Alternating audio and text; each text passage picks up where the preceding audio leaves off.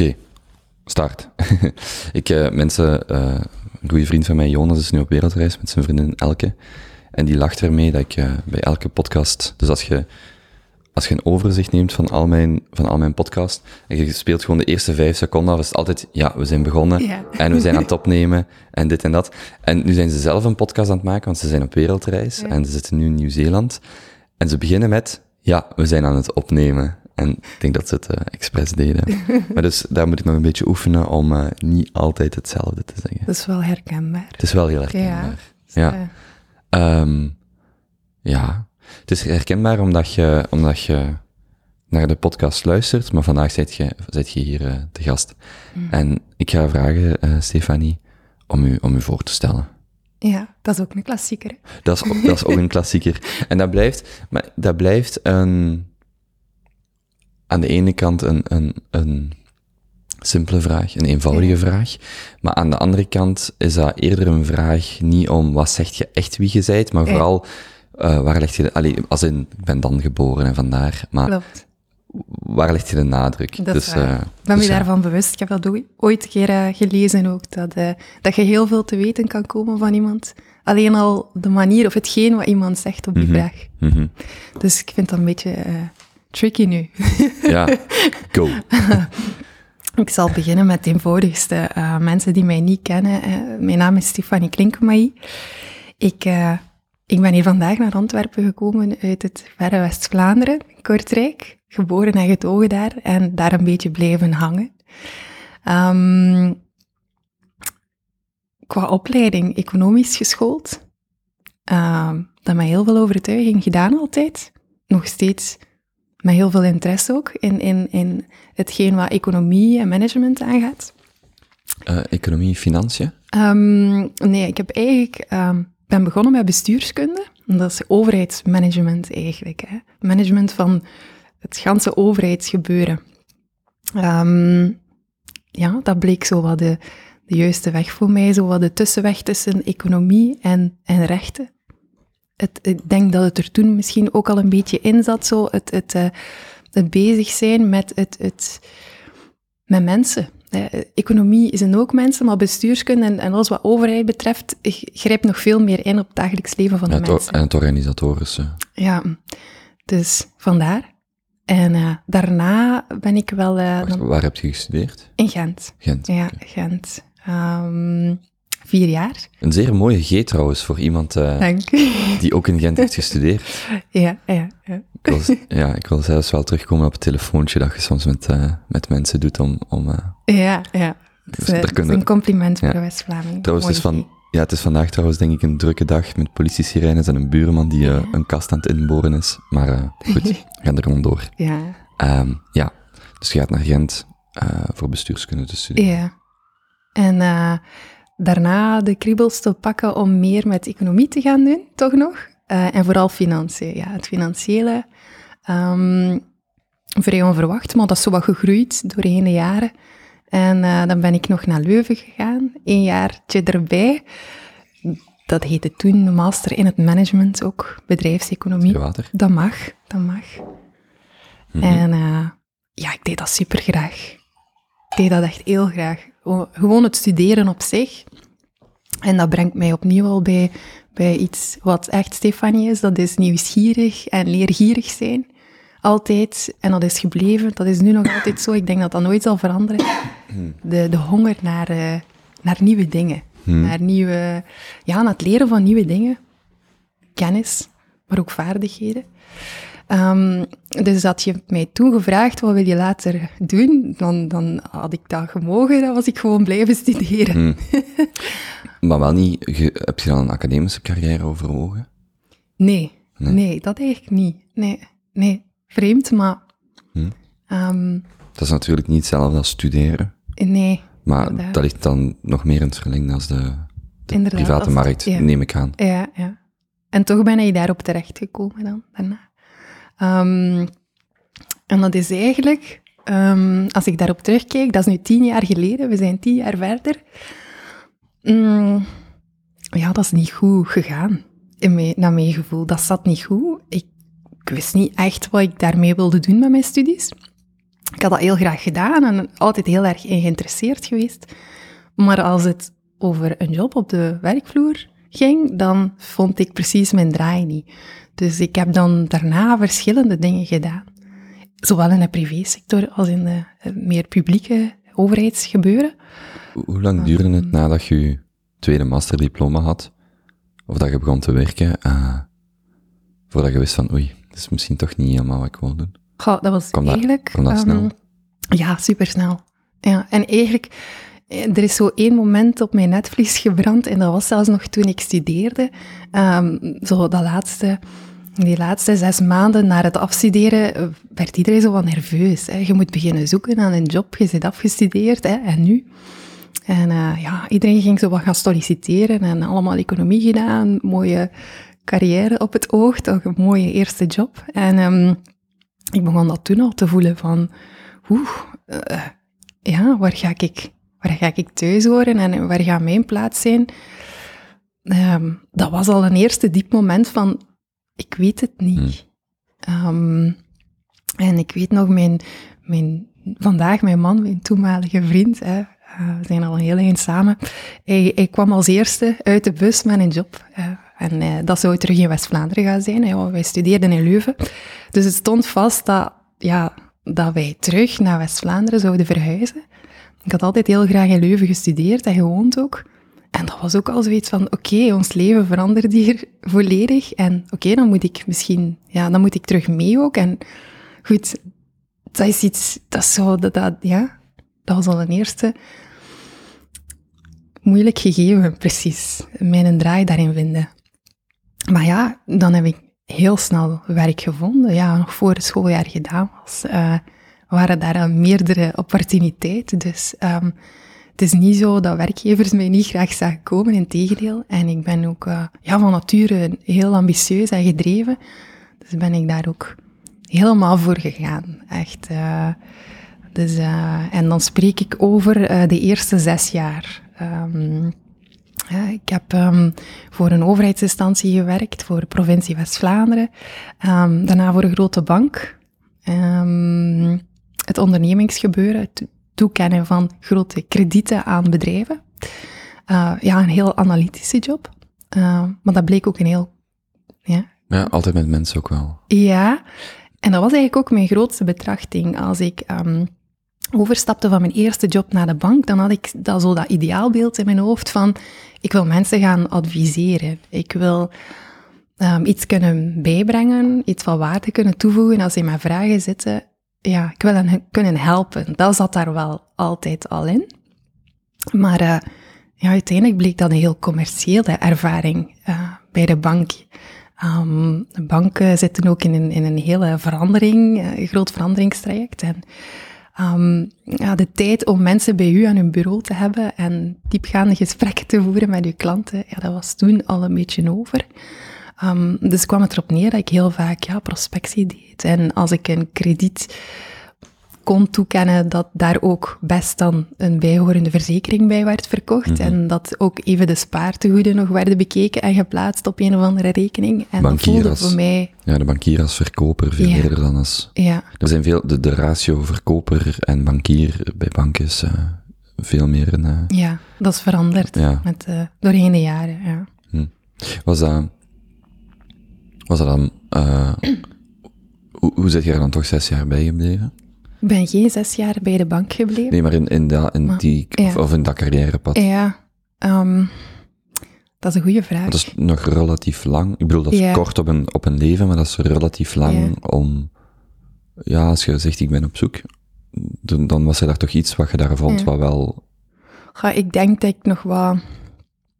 Niet dat er veel druk kwam van thuis uit of zo, om dat te moeten blijven doen, maar dat je zo... Ik had wel een sterk verantwoordelijkheidsgevoel van, ja, ik heb hier nu vijf jaar gestudeerd, Hmm. ik heb die kans gekregen. Ehm, Twee diploma's. ja, twee diploma's. Eh, Ik werd ook enorm gewaardeerd door mijn werkgevers altijd. Ehm, ik deed alles goed en, en eh, ik weet niet, ik denk die, dat verantwoordelijkheidsgevoel van ik wil het hier nog wel blijven proberen. Ehm, ik wil niet opgeven. Hmm. Ehm, we stonden ook met twee in het leven natuurlijk. Ik, mijn, mijn man ehm, En ik waren, zijn gelijktijdig afgestudeerd en beginnen met werken. En uh, hij had ook zoiets van, kom aan, en, en je moet hiervoor doen, en we moeten, ja, we moeten ervoor gaan. En ja, uh, ja. Ik, ik, um, als ik daar nu op terugkijk, dan zou ik dat helemaal anders doen. Maar uh, ik denk dat ik op dat moment nog niet misschien sterk genoeg in mijn schoenen stond, of nog niet genoeg wist ook wie ik was en, en, en wat ik graag en goed deed, om toen al te zeggen, recht te staan en te zeggen van, oké, okay, jongens, ik bekijk het hier en ik ga dit of dit doen. Hm. Was het dan eerder dat die toekomst te onzeker was, of dat dat verleden te zwaar doorweegde? De toekomst was onzeker. Ik, ik wist eigenlijk gewoon nog altijd niet wat, wat, wat, ja, wat dan mijn bijdrage kon zijn aan de wereld, laat het ons zo zeggen. Um, alles was zo zeker terwijl ik studeerde en daarna, dat was precies één zwart gat, ik kan het niet anders beschrijven. Ik, ik, voelde mij echt wel verloren, dat is raar, hè, maar... ik denk dat heel veel mensen dat hebben, waar je ziet dat ja. studeren is nog steeds zeer gestructureerd. Ja, ja. Je werkt naar iets toe, je examens, op korte termijn, op lange termijn een diploma. En dat is gewoon een, een regime waar je instapt, hè, waar je weet wat je de komende vijf jaar Ja. gaat doen. En, en eens, dat, eens dat dat voorbij is. Moet je het zelf gaan De enige job, de enige uitzondering is misschien het leger, daar weet je ook vrij goed. Of andere openbare diensten, Hm. politie, brandweer, leger, waar dat je eigenlijk ook vrij goed weet waar je aan toe bent. Ja. Maar eens je op private markt gaat, ja, En dat wordt eigenlijk niet meegegeven op school. Hm. Dat is zo wat, uh, hoe staat in het leven. En ehm, een stukje personal branding ook. Wie ben ik? En wat zijn mijn kwaliteiten? En hoe ga ik die later inzetten? Ehm, zo die levenswijsheid ook, die erbij komt, ehm, dat is gegroeid na het studeren pas, met vallen en opstaan. Ehm, ik ben in elk geval een stuk wijzer geworden, want ehm, door het volharden ook in de job, de jobs, in, de, in, in, in het economische, ben ik ook ehm, ja, in grote problemen gekomen. Fysiek dan, hè, dat weegt op je lichaam. hoe Ehm, bedoel je? ja, ik ben heel erg ziek geworden. Op een bepaald moment ja, ging dat niet meer. Ik begon te klagen, ik ben moe en eh, ik heb last hier en ik heb last daar. Ik raakte niet meer uit mijn bed. Ehm, mijn concentratie ging naar beneden. Maar als, Ehm, omdat je richting burn-out ging Ja. op je werk. Ja, achteraf gezien was dat zo. Maar ook daar denk ik dat ik op dat moment niet bewust genoeg daarnaar kon kijken. Dus ik deelde het maar voort, maar met altijd zwaardere klachten, fysiek ook. Ehm, dus ehm, nu, ik had in het verleden ook al wat last gehad met vermoeidheid, als kind al. Dus dan was dat altijd van, ja, Stefanie, dat zit wat in u. En, hè, dus, dus nu op een bepaald moment, vrij vroeg al in mijn carrière, ben ik, eh, ben ik een eerste keer thuis geweest. Super eenvoudig, gewoon thuis, met mijn hoofd tegen een kast gestoten in de badkamer. Bij het klaarmaken om te gaan werken, op de grond gevallen. En eh, daarna super duizelig. Ik kon niet meer, eh, niet meer met een auto rijden. Ik wist niet meer waar dat ik was. Alles, alles draaide. En ehm, ja, ik ben toen denk ik zes maanden thuis geweest voordat duizelen, ja, die duizeligheid eigenlijk overgegaan is. En eigenlijk was dat al een eerste verwittiging. Maar ja, dat was toen ja, gewoon een zware hersenschudding en ik moest wel wat wachten en wat rusten en dat zou wel overgaan. Dus die fysieke, eh, dat fysieke voorval van het stoten van je hoofd was ook grotendeels een mentaal of psychologisch. Of dat, want je, Ja, het, ging niet dat- erom dat je zes maanden moest recupereren van dat fysieke. Hè? Nee, ik denk dat als iemand met voldoende weerstand zoiets tegenkomt, dan sta je een keer recht en dan heb je misschien twee dagen rust nodig. Maar ik denk dat ik al zodanig veel stress had en, en, en weinig weerstand door al hetgeen ja, wat ik meemaakte, de- dat dat zo wat, ja, de slag was die, ja, de druppel precies. Ehm, Hoe, hoe ging je omgeving op dat moment ermee om? ja, wat paniekerig zo. Ik herinner mij dat alleen als... Dat was een drama. Ah ja, ik kon niet meer gaan werken. Ik moest op mijn werk zeggen van ja, ik kan, ik kan niet rijden met een auto, ik kan niet werken. Ik kon me niet meer concentreren, mijn geheugen was ook niet goed. Ehm, dat was, dat was zo'n eerste... Hoe hoe lang was ik bezig met werken? Ik denk drie jaar of zo. Ehm, Je bent 7, 28 op dat moment. Zoiets. Ehm, ja, 26. Ik ben afgestudeerd aan mijn 23. Vijf jaar gestudeerd, dus eh, ja. Ehm, ja, dat was... En, en ik heb toen ook niet... Dus je zit op een mo- modeltraject en dan stoot je je hoofd. Voilà, ja. En zit je ineens zes maanden thuis en zo, Ja. oh, wacht. Ja, zo'n beetje de modelstudenten, de, de ideale werknemster, ik zal het zo maar zeggen, in de lift voor een, eh, voor een succesvolle carrière. Zo, zo zag het er zo wat uit. Hè. Mhm.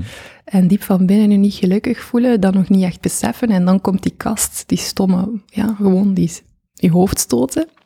En dan is dat denk ik de eerste keer dat leven u zo bij de kraag vat en zegt, ja, maar ja, waar zijn hiermee Heb je bezig? die kast nog?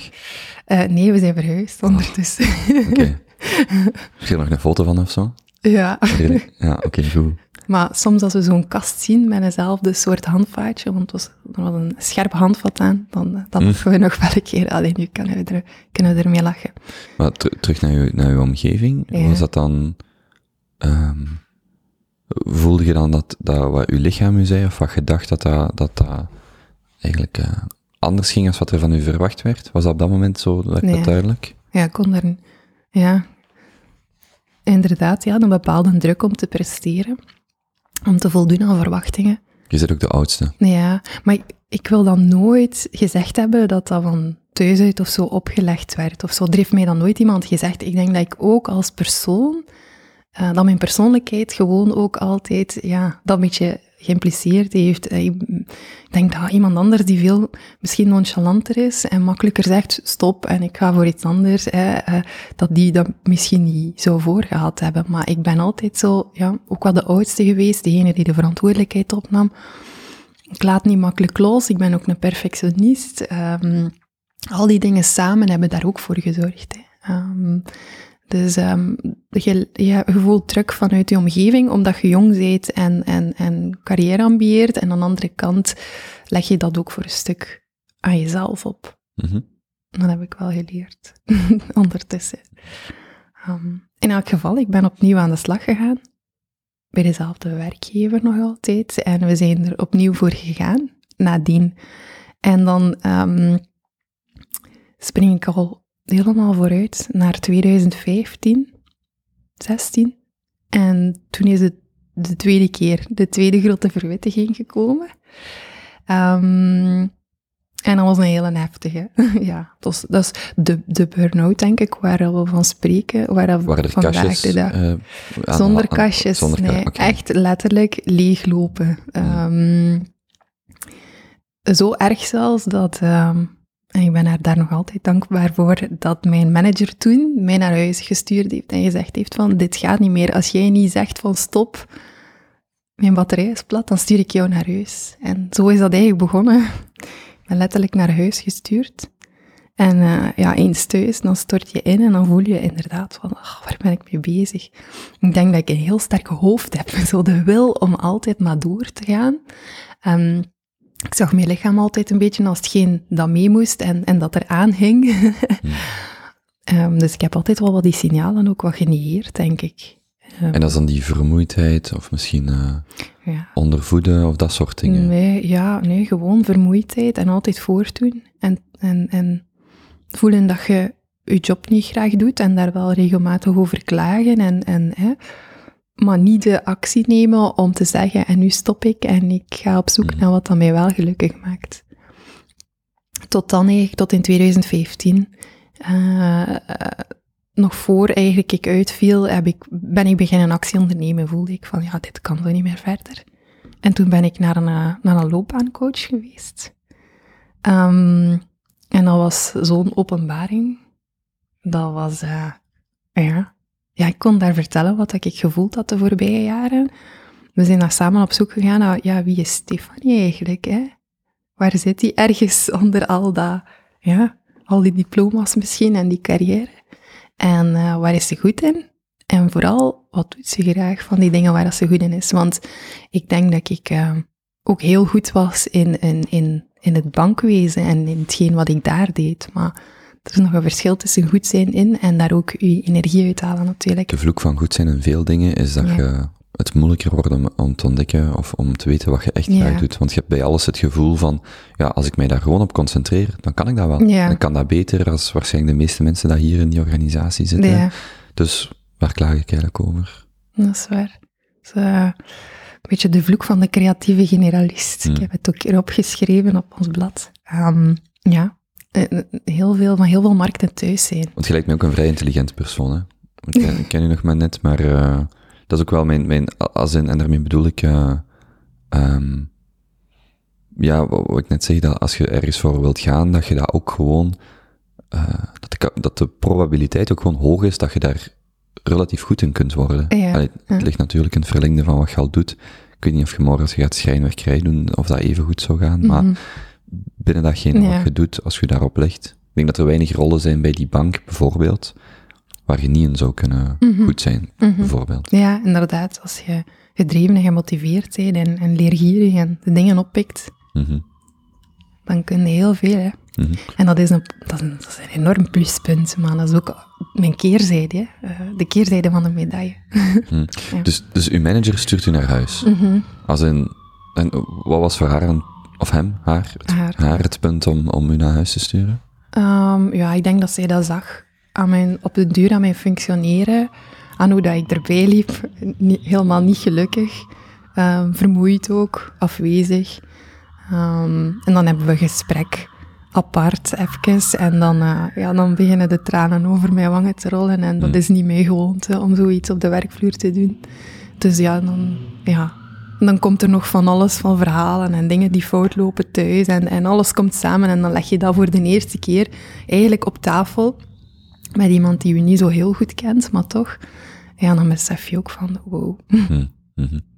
En dat is fijn, hè, want dat was eigenlijk de eerste keer dat ik een, ehm, een, eh, ja, een manager of een baas had die daar oog voor had. Voor hoe dat ik mij voelde. Want ik denk dat ik heel goed was in het verstoppen van hoe ongelukkig dat ik mij voelde. Ik had altijd zo'n knopje en als ik op de werkvloer kwam, dan werd er gepresteerd en dan, ging ik, dan zou ik het goed doen in elk geval. En niemand zou aan mij zien dat ik het lastig had, of dat ik moe was, of dat ik twijfelde aan wat ik deed.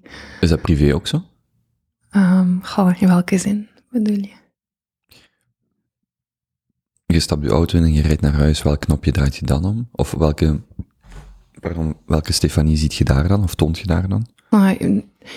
De echte, ehm, en daar, gaat, daar is het daarna ook allemaal om gegaan. ehm uzelf kunnen zijn in gelijk welke omstandigheid, op je werk of thuis. Kijk, dat is voor mij mijn stokpaardje geworden. Kunnen werken vanuit authenticiteit en ehm, ja, wie ik echt ben, zonder te moeten verschillende rolletjes opnemen of maskers opzetten. Ehm, dat is een hele belangrijke geworden. Als ik, eh, als ik thuis ben, dan kent iedereen mij als eh, eh, hetzelfde. Hè? Heel leergierig en, en ondernemend en, en, en enthousiast, maar aan de andere kant ook heel gevoelig en introvert. Ehm, nood aan rust, aan alleen zijn, heel creatief. Ehm, ik schreef ook, ik schreef ook al poëzie van, van toen dat ik kind was, zolang dat ik eraan kan denken dat ik schreef, schreef ik ook poëzie. Zat ik uren op mijn kamer aan het sleutelen aan teksten, aan, aan tekenen in boekjes. Aan, aan, ja, ik kan me heel goed alleen bezighouden ook. Dus ja, als je dan naast ehm, de, de werkvloer zet, eh, dan meer nog het bedrijfsleven, het, het economische, dat is keihard ten opzichte van, ja, zacht Mhm. is niet negatief, maar ik denk ook dat die, dat die twee wel in mij zitten hoor. Die twee zitten altijd. Dat- ondernemende en dat er willen voor gaan en dat rationele zit erin, maar aan de andere kant ook nou, dat gevoelige. Dus, en het is een beetje een oefening geweest de voorbije jaren om die in evenwicht te krijgen. Je zat ook wel als vrouw altijd in de mannenwereld. Of, in, Ja. sorry, of, of anders gezegd, in, vanuit een emotioneel perspectief zat je in een zeer rationele wereld. Ja, ja, ja. ja. Dat is moeilijk om dat... en, het, en het probleem daar is dan ook vaak dat je ook met de meest rationele mensen, of met de Ja. meest eh, eh, ambitieuze, of de meest ehm, competitieve mensen ook Ja, zit. Dus, dus je, je moet het voor een deel wegsteken, maar Ja. je, moet, ja, je moet niet louter het emotionele wegsteken, maar moet ook het rationele enorm gaan, gaan naar voren duwen, want Mhm. anders dan... eh, Dan haal je het niet. Ja. Dus, wat zei dan die eh, loopbaancoach tegen u? mhm. Ehm, ja, dat, het- dat het mocht. Dat ik dat niet hoefde te doen. Dat was zo de eerste keer dat iemand Dat zei tegen niet hoefde te doen? bijvoorbeeld het, het, het volgen van mijn carrièrepad zoals ik bezig was, eh, het, het doen van een, het uitvoeren van een job die aan mijn diploma vasthing. Ehm, dat ik ook iets anders kon gaan doen. Dat ik zelfstandig kon gaan worden, dat ik mijn ontslag kon geven, dat ik daarop mocht vertrouwen dat dan wel weer iets anders zou gaan komen. Zo die, dus, de standaard regeltjes doorbreken. Zo de, Dus je hebt 300 studiepunten gehaald door te studeren, maar het was nooit in je opgekomen dat je dat ook kon loslaten. nee, Net zoals je van Kortrijk naar Leuven kon verhuizen, je moest niet in Kortrijk blijven. nee, ik niet, nee. Hm.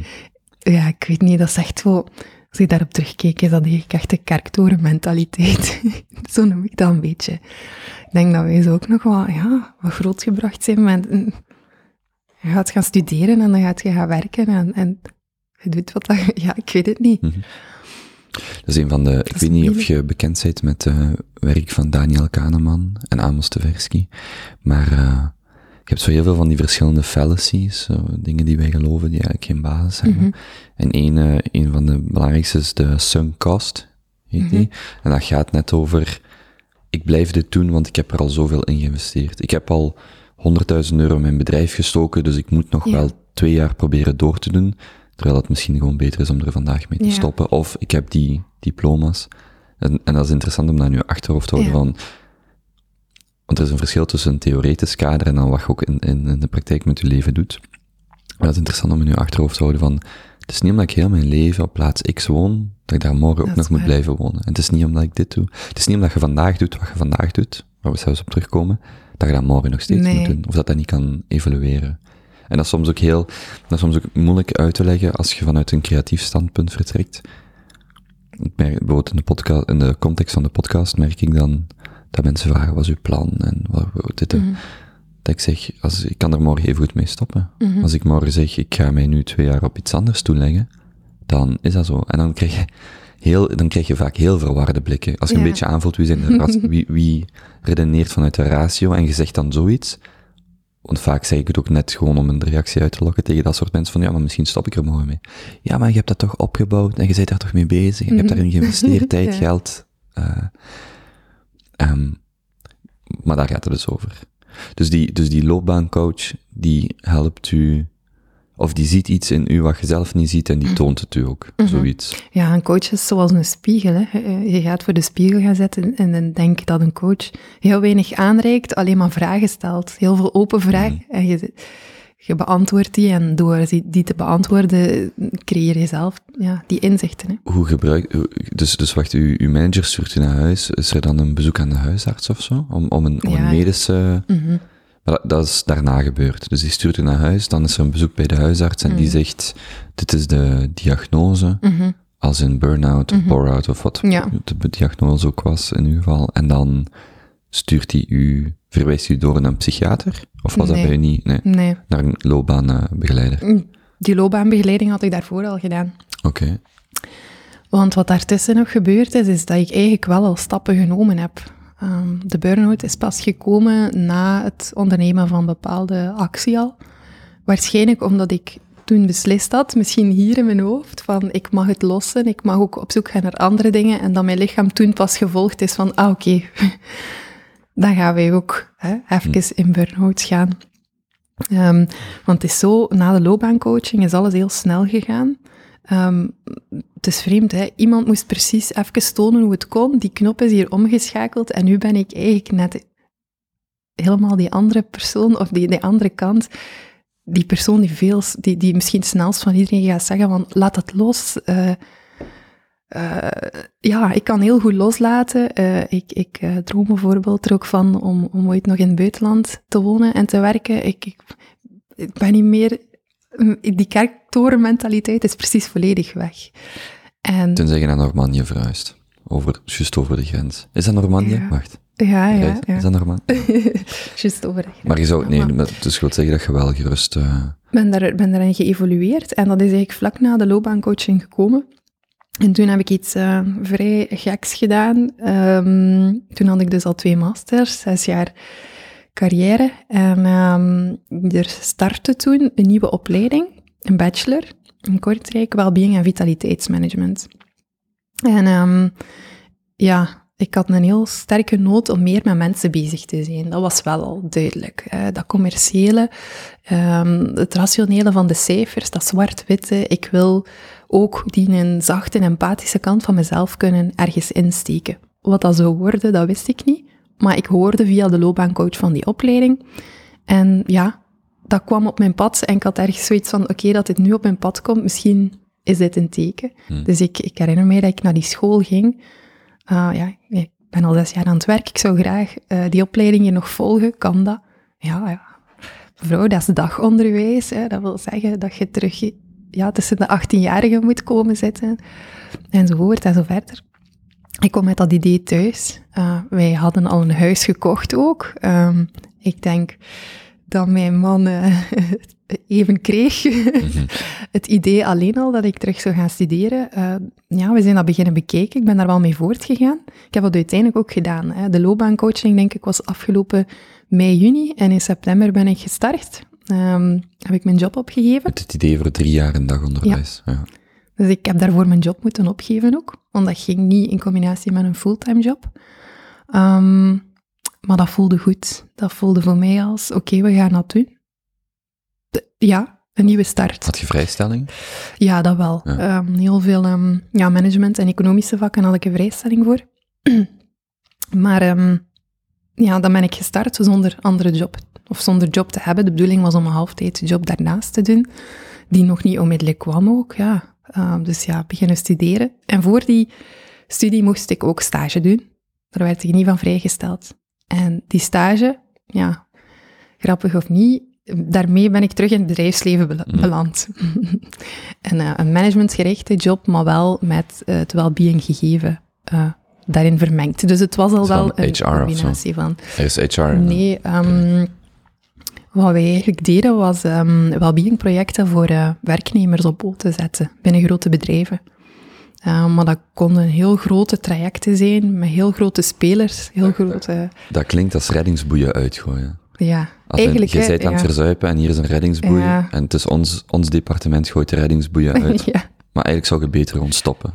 Allee, zo. Dat was voor mij, ik vond dat frappant, want ik herkende veel van mhm. de, allee, de vraag van de klanten van de werknemers bij die bedrijven waren vrij gelijkend aan de problemen waar ik de jaren ervoor mee gezeten had. Of als je het nog cynischer wilt, als je het cynischer wilt bekijken, is uh, de, iemand van een andere dienst zegt tegen u, lap jij onze medewerkers maar net genoeg op, dat ze toch nog iets verder kunnen. Maar, ja. ja, dat is inderdaad de cynische kant dat is de cynische, ja, ja, dat is waar.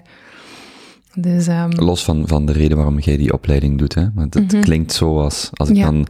Ja ik moet soms... Uh, ja, de opleiding is breder dan uh, hetgeen waar ik daar in bedrijfsleven in terecht kwam. Maar... maar... ik kan me voorstellen, ik moet soms uh, discussies met mensen, als het dan daarover gaat van ja, wij begeleiden mensen in een bedrijf. Ja.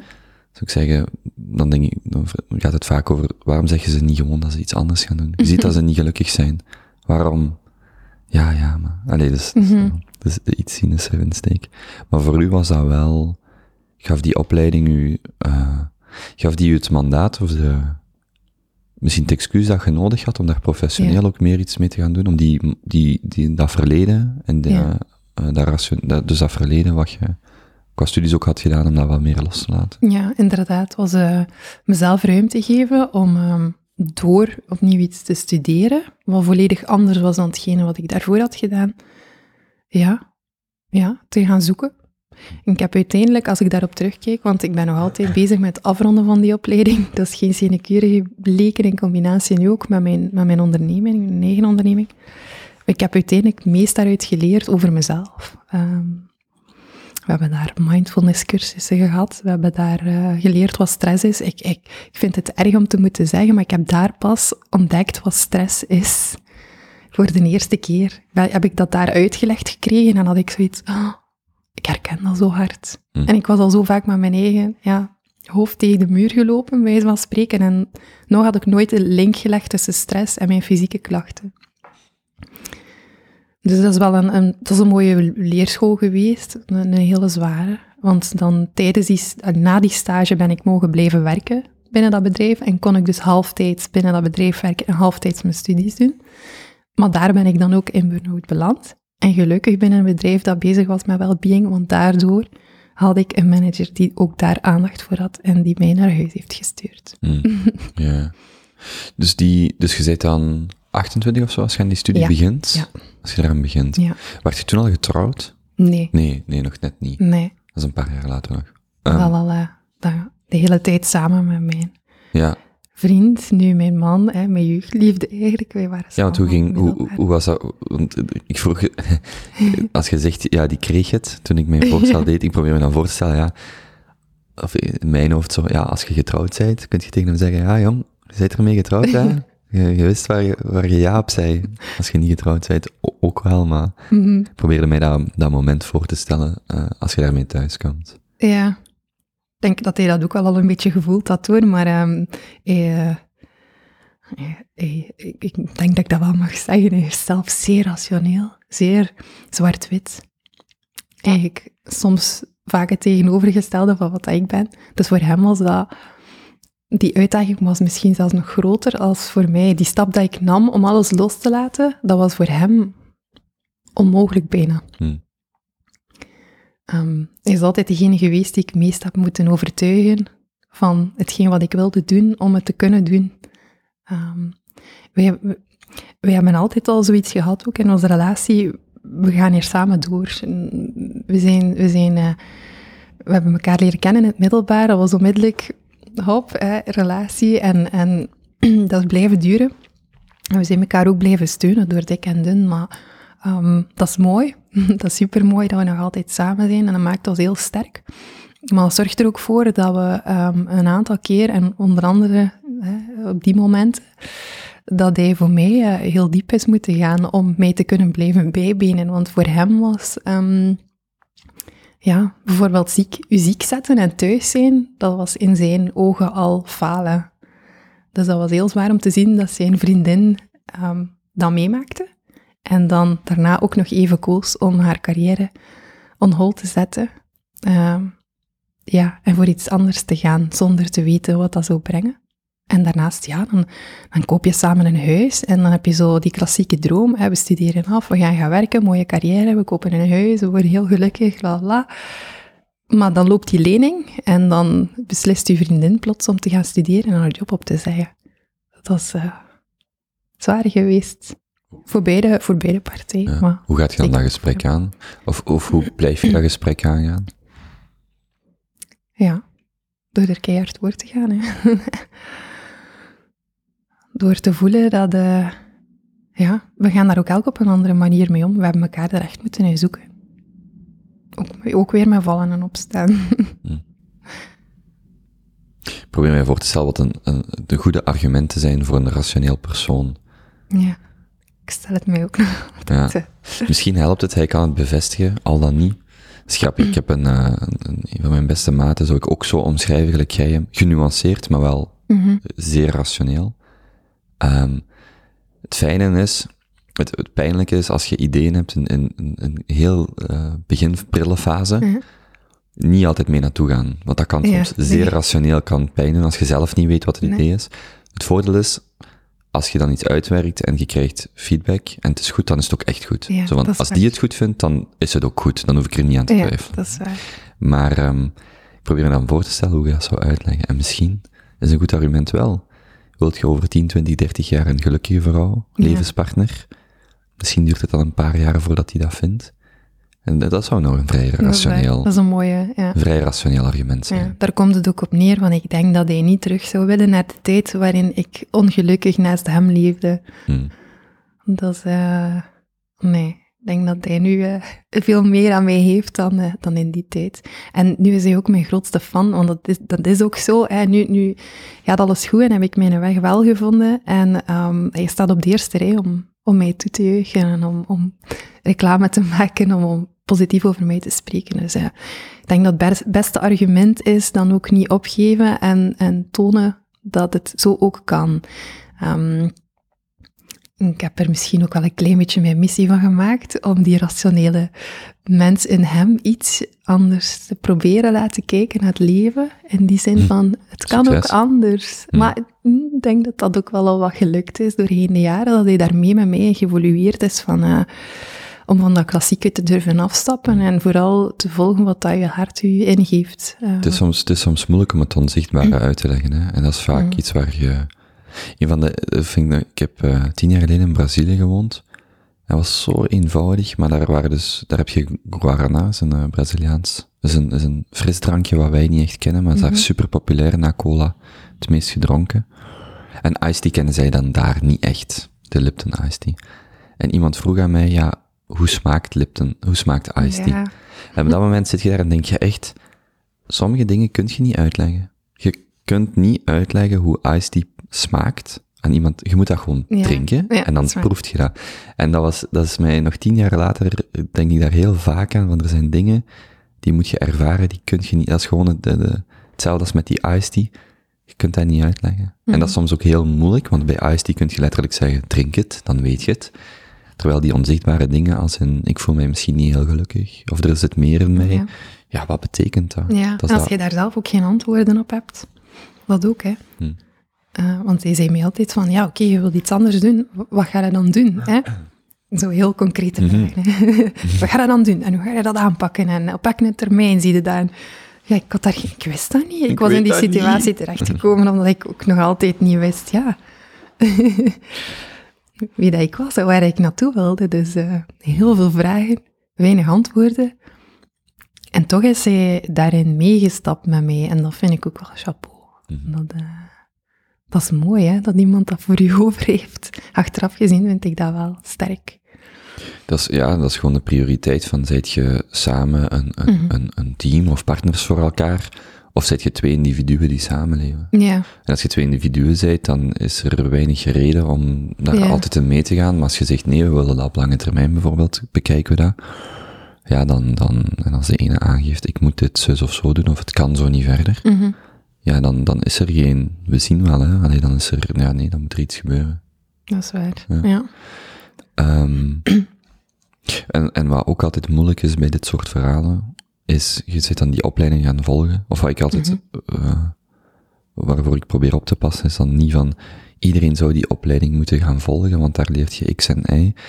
Het is ook het moment in je leven waarop je die opleiding doet. Had je die mhm. misschien op je achttiende gedaan, had dat nooit, en dan heb ik het over die well-being opleiding. Ja had dat een, sowieso een heel andere impact op je gehad, als dat je dat vandaag, allee, als dat je dat ging, ging doen tien jaar later. En dat is ook soms zo het heel moeilijk en frustrerende, en dat is dan ook een goed argument tegen een rationeel persoon, van, je weet ook niet altijd wanneer iets goed komt, en, en het, het, dezelfde, um, Oh, hier heb ik nog nooit over gedacht, dus ik weet niet of het echt op slaat, maar dat is, dat is een pintje drinken is een heel verschil. Is dat het, is dat het elfde pintje dat je drinkt of het eerste pintje dat je drinkt? Mhm. Dat blijft het één pintje wat je extra mhm. drinkt. Ja. Maar de impact is wel heel anders, om, omdat de volgorde anders is. En dat is bij, bij dit soort dingen ook zo, dat je dat, dat blijft een, soms een frustrerend verhaal misschien, of een zoektocht, omdat je, ja, je doet iets, je weet dat niet, en, en ja, wat komt er dan uit?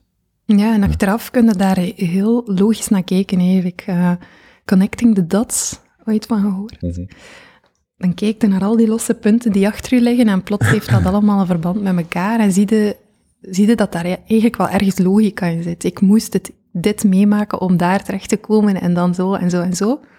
En dat vind ik ergens nu wel het mooie. Als je daarin zit.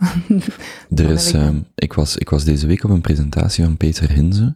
Ik hoop dat hem op de podcast komt, want dan kunnen we daar dieper op ingaan. En daar zegt hij, gaf hij letterlijk zo dat verhaal. Hij zegt van, de wereld zoals wij die altijd zagen is, of het probleem met connecting the dots is, je ziet dat enkel maar in, in retrospect. Mhm. Kijk terug en je ziet dat.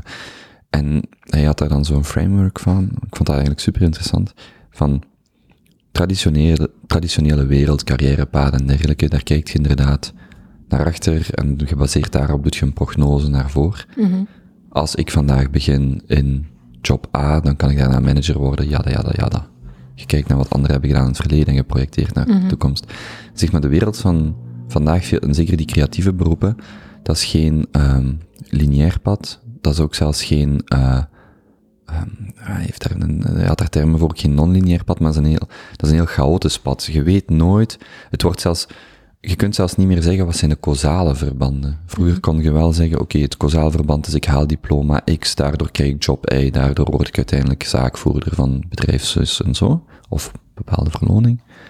zeg maar vandaag een chaotische wereld, wat jij vandaag doet, Ja. ja, misschien komt dat over tien jaar naar boven drijven. Van, ah ja, dat Ja. was, dat is super moeilijk en dat is, dat, is, dat is niet eenvoudig om mee om te gaan. Maar dat brengt mij wel bij, bij hoe je dan, wat ik je wil vragen, hoe zit je dan door die opleiding gegaan en, en hoe leidt dat tot wat je vandaag Ja. doet? Mm, Dat is eigenlijk ook niet echt kausaal. Ehm, mm, ik ben blijven zoeken hè, naar wat is mijn ding en, en mij daar op, op persoonlijk vlak enorm eh, blijven ontwikkelen. Maar ehm, wat ik nu doe, ehm, is eigenlijk toevallig op mijn pad gekomen. Wacht, kun je nog Misschien- die opleiding, ja, Ja. want is dat tijdens die opleiding gekomen? ja, Want Ja. je zit je ook getrouwd, terwijl dat je, ja, want Ja. volg je die opleiding Ja, het is nu vijf jaar dat ik die opleiding volg, omdat ik dat altijd heb gecombineerd met werken. eh.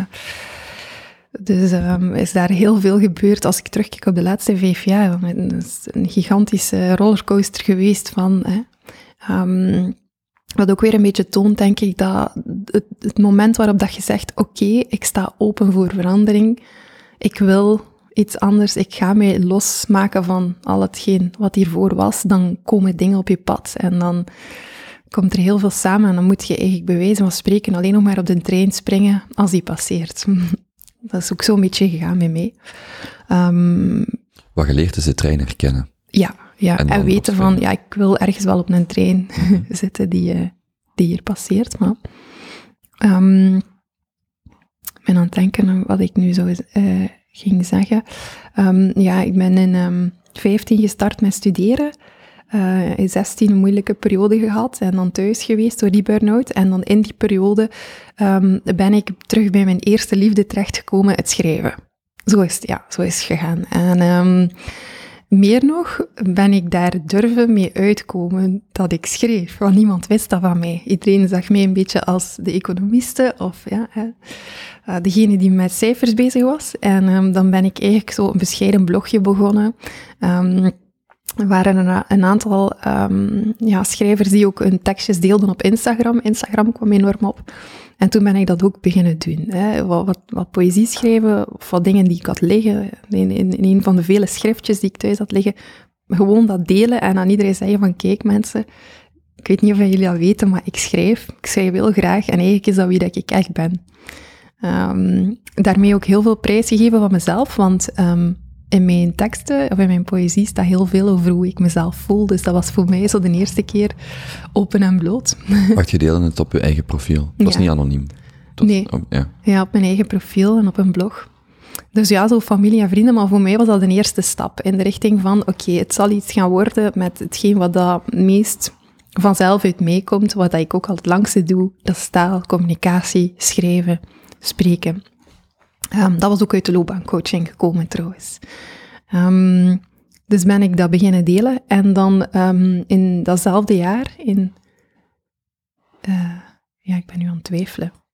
Mijn zus zal kwaad zijn, maar ik twijfel over het jaar waarin mijn zus getrouwd is. In elk geval, mijn zus trouwde. En daar kwam een ceremoniespreker. Dat was een ceremonie. En eh, ik, had dat nog, ik had daar nog nooit van gehoord, eigenlijk. Dus ja, je zit in het publiek en dat gebeurt. Die ceremonie eh, vond plaats en eh, dat was een, een vrijwilliger ehm, eh, uit het vrij, Huis van de Mens, het Vrijzinnigen... eh, Voor alle duidelijkheid, het was geen ceremoniemeester, het was een ceremoniespreker. ceremoniespreker. Ja, ja. Kunt je, kunt je het verschil kort duiden voor, want ik maakte de fout voor we beginnen, begonnen op te nemen ook al. Ja. Zei je, wacht eens even. Ja, ceremoniespreker, dat is wat ik doe. Hè. Die, die spreekt ceremonies aan elkaar, letterlijk. Uh, vandaag de dag um, synoniem voor storyteller, verhalenverteller. Dus een ceremoniespreker werkt met mensen ceremonie, een ceremonie uit. Een persoonlijke ceremonie is dat ook helemaal op maat. En die brengt die ook als, als spreker. Ceremoniemeester, dat is de man in het pingwingpakje waarvan ik sprak. Dat is uh, degene die... Um, deuren open en dicht doet uh, als de suite uh, aan de kerk komt, uh, die iedereen naar binnen leidt, die ervoor zorgt dat iedereen neerzit als de dienst begint enzovoort. Zo. Tegenwoordig heb je ook heel veel moderne Uh, en zelfs vrouwelijke ceremoniemeesters uh, die dat op een veel, veel leukere manier doen dan hetgeen wat ik voorstel. Maar, maar jij doet ook geen hybride van? Jij zit, uh, ik ben ceremoniespreker, ceremoniespreker. storyteller. Geen pingwingpak? Nee, geen pingwingpak, helemaal niet. Um, en eigenlijk ook helemaal anders dan de ceremonie die ik toen zag van mijn zus. Want daarmee is het wel begonnen. ik had zoiets van, ja, kei mooi concept, wat hier gebeurt. Hè? Mijn zus en haar man ko kozen ervoor om niet voor de kerk te trouwen. Um, hij zei zoiets van, ja, die, die tien minuutjes op het stadhuis, dat is precies zo kort. Wij willen echt wel nog een keer stilzitten met familie en vrienden um, bij de keuze dat we maken. Um, bij onze relatie, uh, bij hetgeen wat we voelen voor familie en vrienden enzovoort. Dus ik vond dat, dat een super concept. maar de uitvoering kan in mijn ogen wel beter. Uh, het kon, het persoonlijker, uh, een pak persoonlijker, uh, het kon creatiever. Uh, ja, ik miste ook wat diepgang nog.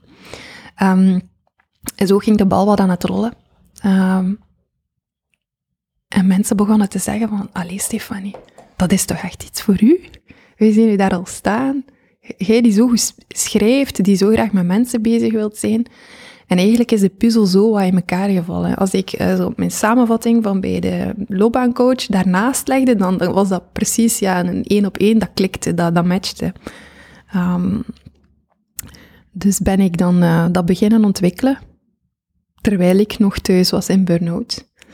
En um, ja, de beslissing is gevallen. Ik denk niet dat dat allemaal, dat is niet op één moment gebeurd, dat is een lang traject geweest.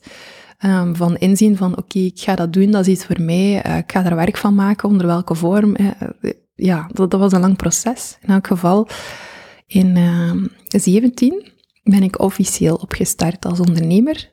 Um, nu, daarvoor heb ik al een aantal keer dan ook kunnen try-outen, dat ik er kunnen doen met vrienden en familie. En ja, dat, dat, ja, dat, ging, dat ging als vanzelf, precies. Dat, dat, ik stond daar op mijn plaats, met de microfoon in mijn hand, thuis het, het verhaal van mensen uitschrijven, met mensen in gesprek gaan, een verhaal te weten komen. Uh, dan ook het creatieve aspect, hè, met mensen op zoek gaan van, oh, hoe kunnen we dat doen?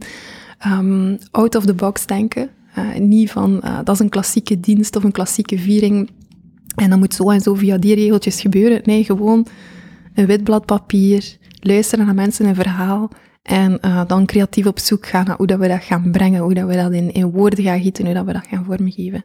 Is dat vooral voor mensen die geen kerkelijke ceremonie doen, of past dat er ook nog in? Oh, het zou kunnen. Mm, ik, ben, ik heb ooit één keer in een kerk gesproken, zo in, in, in duo met de priester. Zo, de, mm. de stukken waar de priester dan niet aan het woord was, dat je dan persoonlijk verhaal brengt. Maar eigenlijk is het, uh, ja, het ceremoniegebeuren echt iets uh, buiten de kerk. Maar het is ook dus, niet zo dat mensen de kerkelijke viering doen en dan, nee. dat jij dan pas komt. Nee, nee, ja, dat heb ik okay. toch nog nooit ja, geweten. Nee, mm -hmm. nee. Het is altijd uh, mensen die, die, die het stadhuis doen, bijvoorbeeld voor een huwelijk, en die dan daarnaast nog iets extra willen. Maar dat kan ook ja, voor een afscheid zijn, bijvoorbeeld iemand komt te overlijden, familie wil die persoon niet meer begraven in de kerk. Um, een aula is bijvoorbeeld iets te kil, of, of, of degene die daaraan vasthangt, hebben ze een persoonlijke klik mee, weet ik veel, dan komen wij daar. Um, maar het kan ook een geboorte zijn. Um, ah, dus het is niet louter huwelijk? Nee, wij focussen op huwelijk en, en afscheid. Um, maar het is zo dat het uh, ja, een soort trend is die zich nu aan het doorzetten is, dat mensen eigenlijk vooral die belangrijke momenten in hun leven niet meer naar de kerk gaan. Of toch steeds minder. Um, ja, tien jaar geleden was dat misschien wel nog zo, maar ik, ja, vijf jaar geleden toen dat ik daarmee begon hè, en begon over na te denken, als ik toen naar de markt keek, hier in, in Vlaanderen en België, ja, er was heel weinig aanbod. Ceremoniesprekers die dat professioneel deden, die dat ook echt persoonlijk en op maat gingen gaan doen, hè, die daar heel creatief en kwalitatief mee aan de slag gingen, ja, dat aanbod was niet heel. Was uw insteek in zo'n ceremonie? Want ik kan me voorstellen dat veel mensen, inclusief ikzelf, inderdaad ons wegkeren van het katholieke, mm. van het, alles wat in een kerk gebeurt. Maar nog steeds een, ikzelf toch, een, een drang voel voor dat een stukje die traditie en het vieren en het samen zijn en het uitspreken van het ja-woord bijvoorbeeld, gelijk dat dan in kerk zeer centraal staat, die, dat, dat traditionele, dat symbolieke, dat dat wel terugkomt. Hoe, Dus hoe, hoe, pakt je, hoe begint je dan, hoe ziet zo'n zo'n dag dan, of een moment bij je eruit, en, of voor een huwelijk bijvoorbeeld? Um, om te beginnen, ik denk dat dat net de kracht is, hè, want uh, ik ben dus ceremoniespreker, storyteller. Dat is iets dat in de voorbije jaren enorm geëvolueerd is. Heel veel mensen kennen dat ook. Als je gaat trouwen vandaag de dag, dan weet je dat dat een optie is. Um, maar dat is net omdat die waarde daaronder zit. Omdat we, we gaan niet meer naar de kerk, maar iedereen blijft um, die zin, of dat, die nood hebben om, om iets zinvols te doen op zo'n moment. Mm -hmm. We willen allemaal nog even stilstaan bij wat dat we hebben, bij wie dat we zijn, bij waar dat we naartoe gaan, bij de keuzes dat we maken. Dus dat is net ja, de kracht ervan. Um, en om dan terug te komen op hey, hoe pak ik dat aan, um, het is net zo persoonlijk dat ik niet, dat ik daar geen standaard frame wil voor gebruiken. Dus eigenlijk, het antwoord daarop is, ik start vanaf nul. En um, mijn belangrijkste um, kracht, of geheime wapen daarin, is uh, doen zoals dat jij nu eigenlijk doet. Um, voor mensen gaan zitten en zeggen, hey, ik ben Stefanie, of nou, meestal hebben we al kennis gemaakt, maar wie zijn jullie? Vertel. Ik luister, ik pik in als mensen dingen vertellen. Um, ik noteer, ik capteer en, en zo komen we tot een heel fijn gesprek. En in vele gevallen kom je door dat op die manier te doen ook tot de essentie. Heel vaak wordt er in het begin gebabbeld over oh, van alles en nog wat, uh, misschien ook de praktische dingen rond een huwelijk. Maar dan op bepaalde momenten voel je van, oeh, het begint hier te keren. We beginnen hier te spreken over dingen die voor mensen heel belangrijk zijn. En dan merk je, ja, mensen worden emotioneel, vallen zo wat stil. Um, je merkt dat bepaalde dingen mensen raken. En uh, dat is het moment voor mij om te zeggen, oh, nu moet ik luisteren, nu moet ik het vastnemen, want dit kan voer zijn voor de ceremonie. Um, en dat is het meestal ook. Ik probeer dan zo aan het einde van, van dat gesprek een samenvatting te maken. Dan gaan we samen even door hetgeen wat we allemaal verteld hebben. En dan blijkt inderdaad dat een aantal dingen, en dat voor die momenten, die kantelpunten in dat gesprek, dat dat eigenlijk de essentie is van mensen een verhaal. En daar gaan we dan mee aan de slag. Daar, uh, dat gieten we dan in een vorm. Wat, heeft elke, wat hebben de meeste ceremonies gemeenschappelijk? Wat zijn wel de steunpilaren van elke ceremonie? Ja, ik denk dat zijn die de heel veel koppels ook nog die traditionele dingen. Hè. Als je spreekt over huwelijksceremonie, dan spreek je vooral ook over dat huwelijksmoment. Hè. Zo noem ik het toch. Um, het moment waarin ringen worden uitgewisseld, uh, waarin mensen ja woord uitspreken naar elkaar toe, de gelofte. Um, ik denk dat dat in de meeste huwelijksceremonies een standaard gegeven is. Opnieuw, standaard is veel gezegd, het is maatwerk, dus voor sommige mensen is dat huwelijksmoment dan enkel gelofte. Voor andere mensen is dat ook uh, ringen uitwisselen. Voor nog andere mensen is dat ook een ja-woord, zoals dat je in de kerk of in het stadhuis uh, hebt. Um, sommige koppels kiezen ook voor een huwelijksakte, die maken wij dan op. En, en dat heeft geen wettelijke waarde, maar het heeft wel een, een ja, soort van ceremoniële waarde nog andere koppels zeggen, ja, wij, wij brengen een beetje de kerk naar de ceremonie en we willen ook bijvoorbeeld een huwelijkskaars aansteken samen. Mm -hmm. Dat kan. Hè? Maar dus ik denk dat dat huwelijksmoment, in welke vorm ook, dat dat wel centraal staat in een ceremonie. Mm -hmm. Dus die rituelen die je ook um, in de meer traditionele diensten in de kerk hebt, die komen wel terug, al hangen die helemaal niet vast aan geloof of aan, ja, of aan traditie. Ja, het, het zijn eerder momenten die... Um, die keuzes bekrachtigen, ik het zo zeggen. De keuze voor elkaar wordt bekrachtigd met het omdoen van de ringen, met het uitspreken van geloften van een ja-woord. En dat blijft wel in Wacht. essentie belangrijk. Ik denk dat je ongelijk hebt. Ik denk dat die wel, ja, ja. en ik, ik zeg het ook een beetje provocerend, maar ik denk dat die wel vasthangen aan geloof en ritu en, en ja. maar dat het de vorm is die vandaag niet meer past. Het feit dat wij nog ringen dragen bijvoorbeeld, mm -hmm. dat is een zeer... Mm, er zijn betere voorbeelden hiervan. Maar die traditie blijft. Dus wat ik wil zeggen is, wij hebben een zeer of we dat willen of niet, we hebben een zeer christelijke, katholieke achtergrond. Mhm.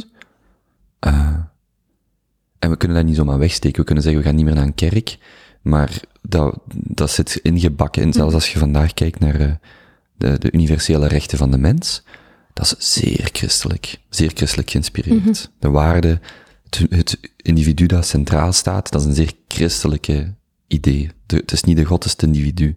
Jezus is geen God. Ja, Ja, zo- ja, dus dat is zo een je beetje, de, wilt, ja, dat is een beetje de achtergrond. Ja. Maar waar dat dan heel veel mensen op afknappen, is zo dat, ja, de vorm die heel oudbollig is en het, en het, maar dat, Inhoudelijk wordt er ook niet over geloof gesproken. Hè. Ehm, ik spreek niet over God of over weet, de Bijbel, of dat komt, Mhm. niet, dat komt helemaal niet ter sprake. Ik ben ook niet vrijzinnig of... of, of- dat, wat, wat wij eigenlijk doen is, staat los van elke vorm van geloof. Mhm. Als, Ja. hè, als ik het dan heb over het puur de inhoud. Maar het gaat, het is vooral de, als ik het zo mag zeggen, uw dienstproduct, hoe je het wilt noemen, uw werk, gaat vooral over de vorm. Dus je voelt Mhm. dat die, die nood aan, tra- dus niet die nood aan de traditie, maar die nood aan de symboliek en het, en het, Stilstaan. ja, het stilstaan, het Ja. belang van het moment, dat is er. Mhm. En 50 jaar geleden was dat in een kerk, met alles wat erbij kwam. Hetzelfde met een begrafenis.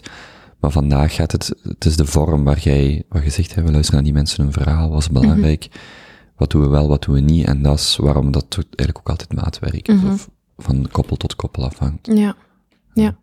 Is er dan, waar begint dan uw werkdag? Of wat is dat dan? Dus ik, ken, ik ben ook maar in mijn leven maar naar twee vertrouwen geweest. Ja. En ik denk dat dat telkens, voormiddags de kerkelijke ceremonie was. Dan iedereen even naar huis, Ja. namiddags eh, receptie, al dan niet voor de genodigden, en s'avonds diner en dan eten. Dus dat is, dat is mijn framework van een kerst, Ja, van een, van, een kerst, van een, van een, van een, van een huwelijk. Is dat, gebruik je dat ook nog, zit dat nog bij, als ik vraag, gebruik je dat ook nog? Wat ik dan eigenlijk vraag is, zit dat bij veel mensen toch nog in hun hoofd? Of, of wordt het echt heel creatief en anders? Of hoe is dat ja, het is wel zo dat eh, veel koppels nog de traditionele dagindeling hebben in die zin van ja, eerst receptie of eh, een uitgebreide receptie met mensen die we minder goed kennen, dan een receptie met mensen die we beter kennen, eh, diner, avondfeest, openingsdans, dat wel. Dat zit er bij heel veel koppels nog in. Maar de ceremonie hangt daar meestal aan vast. Het is niet zo, er zijn er, maar de meerderheid van de ceremonies eh, vindt plaats voor de receptie eigenlijk. In de namiddag, de avond. Dus mensen komen, de meeste gasten komen toe en dat is het eerste wat op het programma staat. Samen even stilstaan, samen even naar het verhaal luisteren van dat koppel, dat huwelijksmoment, hè, en daarna receptie, diner, avondfeest. Ehm, af en toe is er nog eens een ceremonie in de voormiddag ook. Mensen die daar bewust voor kiezen, die zo inderdaad nog dat klassieke willen, dat mensen dan naar huis kunnen gaan, dat de gasten dan s'avonds terug kunnen komen. Maar in principe eh, hangt het meestal eraan vast. Doet je het Ehm. ook in het buitenland? Ja, ja, ja. Dat, ik- dat is zo mijn, op dit moment, en je zit natuurlijk met twee om te trouwen, Ehm, maar zo in, in mijn hoofd zit dan dat idee van ergens klein, Mhm. en, en al dan niet in het buitenland, maar gewoon ergens klein, zo'n 20, 30, 40 mensen of Ja. zo. En dat is ook zo de, de lens waardoor ik naar uw werk, of kijk naar wat je doet, is, eh, ja, als je daar met die 30 of 40 mensen bent, oh, wat doet je eigenlijk op zo'n, allee, hoe Ja. kleed je dat in als je niet de structuur zelf, hebt van, ja. ja, en ook niet de structuur hebt van de, allee, wat ik wil zeggen is, als ik een kerkelijke ceremonie heb, al dan niet, en dan een receptie, feest, dan Mhm. heb je zoveel om te regelen, dat je eigenlijk, dat komt wel goed, als ik daarover nadenk, hè, gewoon 150 man receptie, ja, ja, dat, Ja. zo waren die andere huwelijken. Maar als ik dan denk, ja, wacht eens, als je 30, 40 man een dag of twee wilt bezighouden, Mhm. daar moet je echt wel over nadenken, want dat is genoeg om dingen te doen, maar dat is helemaal niet zoveel, je moet dan, allee, Ja, maar dat is net ook het mooie, hè? Want doordat er meer tijd is en minder planning, kom je eigenlijk tot echte connectie met je gasten. Ik- als je op een receptie staat van je eigen huwelijk en daar loopt honderd man, ik spreek uit ervaring ook, meer dan honderd man rond, als bruid bedoelt je. ja, Ja. Dan, dan heb je nooit de kans gehad om met iedereen die daar aanwezig is, even te babbelen mm, en laat staan, even dieper in te gaan op bepaalde dingen. Hè. Dus dat, dat komt heel overweldigend over. Terwijl dat je als je trouwt in het buitenland, één, twee dagen, drie dagen, met een kleine equipe, dan, ja, dat, dan wordt dat echt veel meer ehm, beleefd onder alle gasten, maar ook onder het koppel.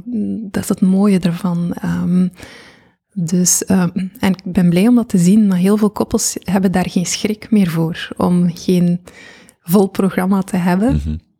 Maar nodigen echt mensen uit met de insteek van, kijk, één lange tafel, jullie komen toe op vrijdag, wij eten gewoon samen, we spreken samen, we drinken we samen wat wijn, we voorzien wat muziek en we zien wel. dan de dag erop doen wij een ceremonie, luisteren jullie naar ons verhaal, we beleven dat samen, we drinken, we eten iets en ja, dat is een hele mooie insteek. Um, en dat is ook um, de evolutie en het mooie waar het vandaag om draait als we het hebben over persoonlijke ceremonies. Dat is dat mensen wel echt zich daar bewust van zijn. Um, daarom kiezen ze ook voor een ceremonie. Alles gaat zo snel vandaag de dag. Um, contacten die we hebben zijn heel oppervlakkig dikwijls. Uh, maatschappij verandert heel snel. En uh, die, die momenten waarop dat je nog gewoon even, al is het maar een uurtje tijdens de ceremonie, stilstaat bij wat dat je hebt, bij wat dat er is, bij wat dat je deelt samen, dat is heel waardevol. En steeds meer mensen beginnen dat ook te zien en, en, en te waarderen. En ja, dat is fijn, dat is een hele mooie evolutie. Hm. Misschien zelfs nog een mooiere dan, dan toen we naar de kerk gingen. Oh ja, ik moet nu opletten met wat ik zeg. Ik wil de kerk helemaal niet schofferen, maar um, vaak had ik zelf als kerkganger zoiets van, oké, okay, uh, ik moet hier nu naar die, naar die mis. Dat gaat hier drie kwartier, een uur duren en ja... Pff. En terwijl kijkt je een aantal keer op je uurwerk, blader je in het boekje en zie je wat dat er nog komt. Je zit al met je hoofd vooruit, na het einde aan het denken misschien wat er op tafel zal komen op zondagmiddag daarna. Terwijl, um, ja, als je in een ceremonie zit, wordt er echt, dat is toch de bedoeling, dat betracht ik altijd, worden meegenomen in een verhaal. Het is ook nooit duidelijk voor de gasten wat er exact zal gezegd worden, wat er komt. En je, dat is echt nog een keer een moment waar je als gast leeft in het moment. Waarop dat je luistert, waarop dat je neerzet en niet anders kunt dan het over u te laten komen. Hmm. Um, ik denk dat is een mooie evolutie. Ja, ik denk wat gecreëerd is een overkoepelend kader of zo, of, een, of, of dat, die betekenis dat je geeft, in zo'n dag of in zo'n weekend. En dat die betekenis gewoon vroeger heel religieus werd ingevoed, mm -hmm. ingevo ingevoegd, uh, ingevuld, sorry. Mm -hmm. Maar ja, als iemand vandaag tegen mij zegt, in het bijzijn van God verbinden wij u, dan vraag ik me af, ja, die is er niet echt bij. Terwijl mm. van mijn grootvaders, die mijn grootouders wel dat echt beleefd hebben. Ja, ja. hij is erbij. Ja. Dat is weg. En dat is denk ik dan deels wat jij creëert, hè, van, we gaan moment tijd nemen voor die gasten, voor dat te vieren. En, en al die puzzelstukjes vallen een beetje in elkaar. Mhm. Die ceremonie en wat dat, dat betekent en wat jullie belangrijk vinden.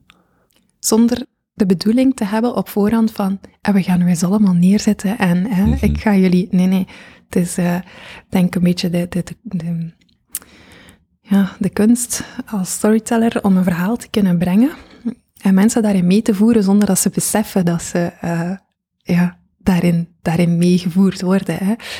Um, dat doe je door het bepaalde technieken van het verhalen vertellen te gebruiken, door heel authentiek te zijn.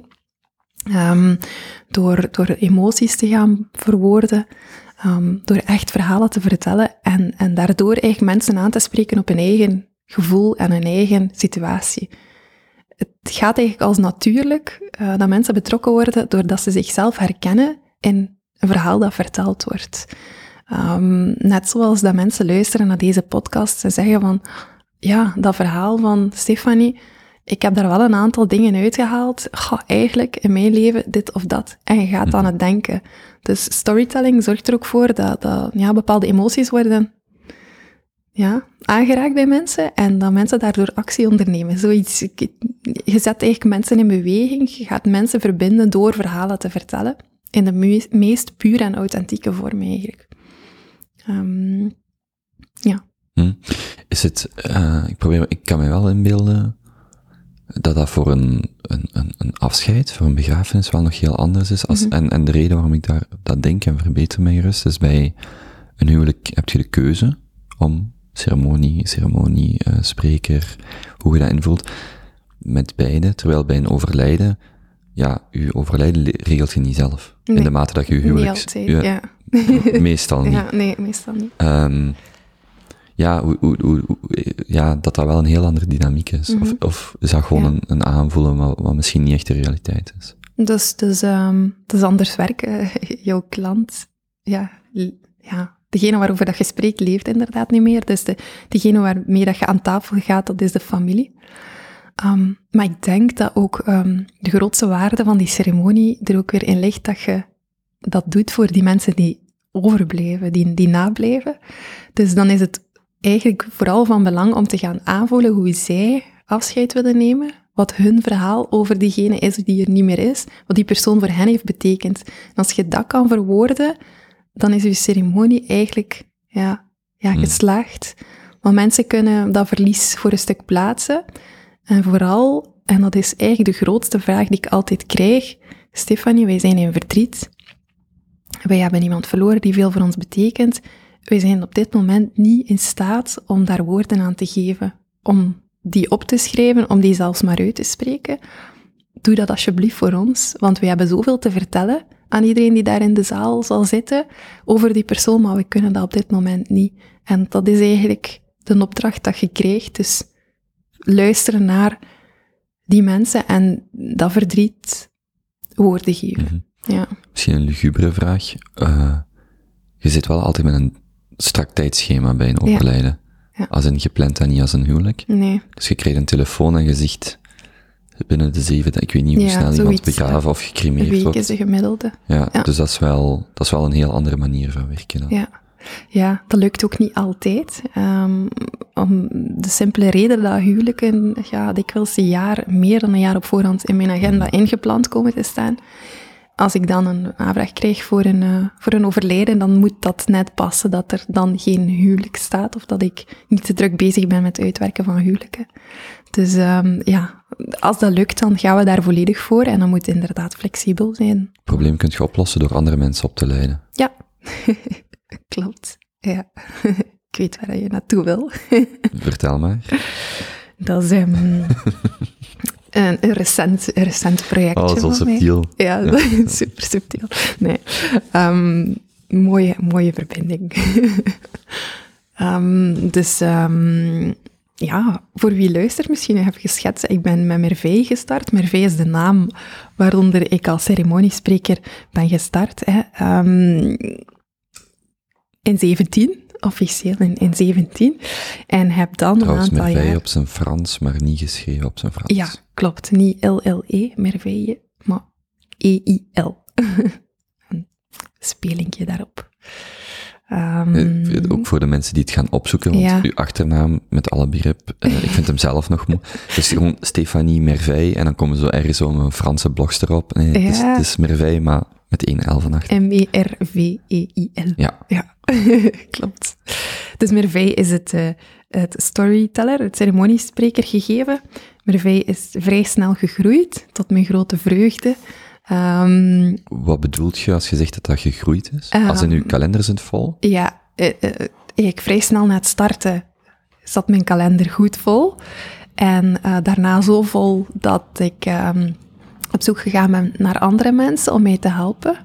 Dus dat ons team uitgebreid is. Ehm, en eh, nu zelfs zo snel en zo hevig en zo groot dat ik zoiets heb van, ik kan dat niet meer allemaal alleen gaan doen. Ehm, ja, als ceremoniespreker kan je maar op één plaats tegelijkertijd zijn. Dus ehm, ja, als mensen mij vragen om een huwelijk te doen in de maand mei, juni, juli, de populaire huwelijksmaanden bijvoorbeeld, dan, eh, ja, dan kan ik dat doen. Maar de tweede die daarmee, ja, die met die vraag komt, ja, die krijgt van mij al een nee, want ja, eh, ik kan maar eentje En ook tegelijkertijd gewoon mentale... eh, Ja, dat allee, ook. het, het is niet louter het fysieke daar, maar de mentale Nee. voorbereiding ook ervoor. Hè. De, de, de, de ceremonie, zeg ik altijd, is de kaart op de taart. Want je zit uren aan het voorbereiden voordat je effectief tot een tekst komt en voordat je effectief met je tekst naar de ceremonie gaat om die ceremonie te gaan ja, aan elkaar spreken. Hè. Dus ehm, er zit heel veel voorbereidend werk in.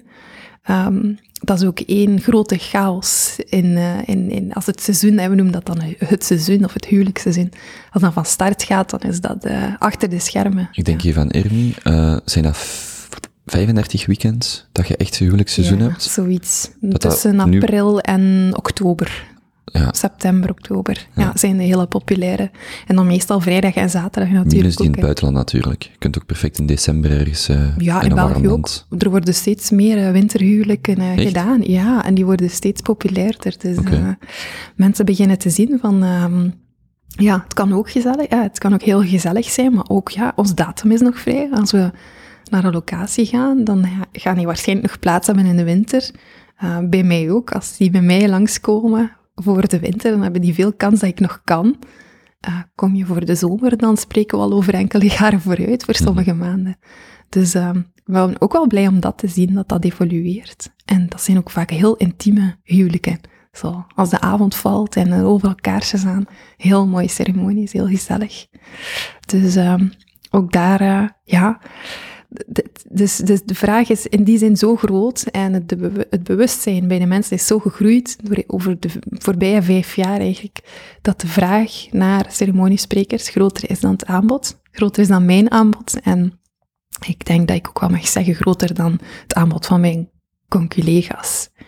Vandaar eh, dat ik naast die uitbreiding van mijn team, naast de, uitbreiding van het Merveille-team, ben gaan denken over een opleiding. Wacht, met hoeveel zit je in je team nu?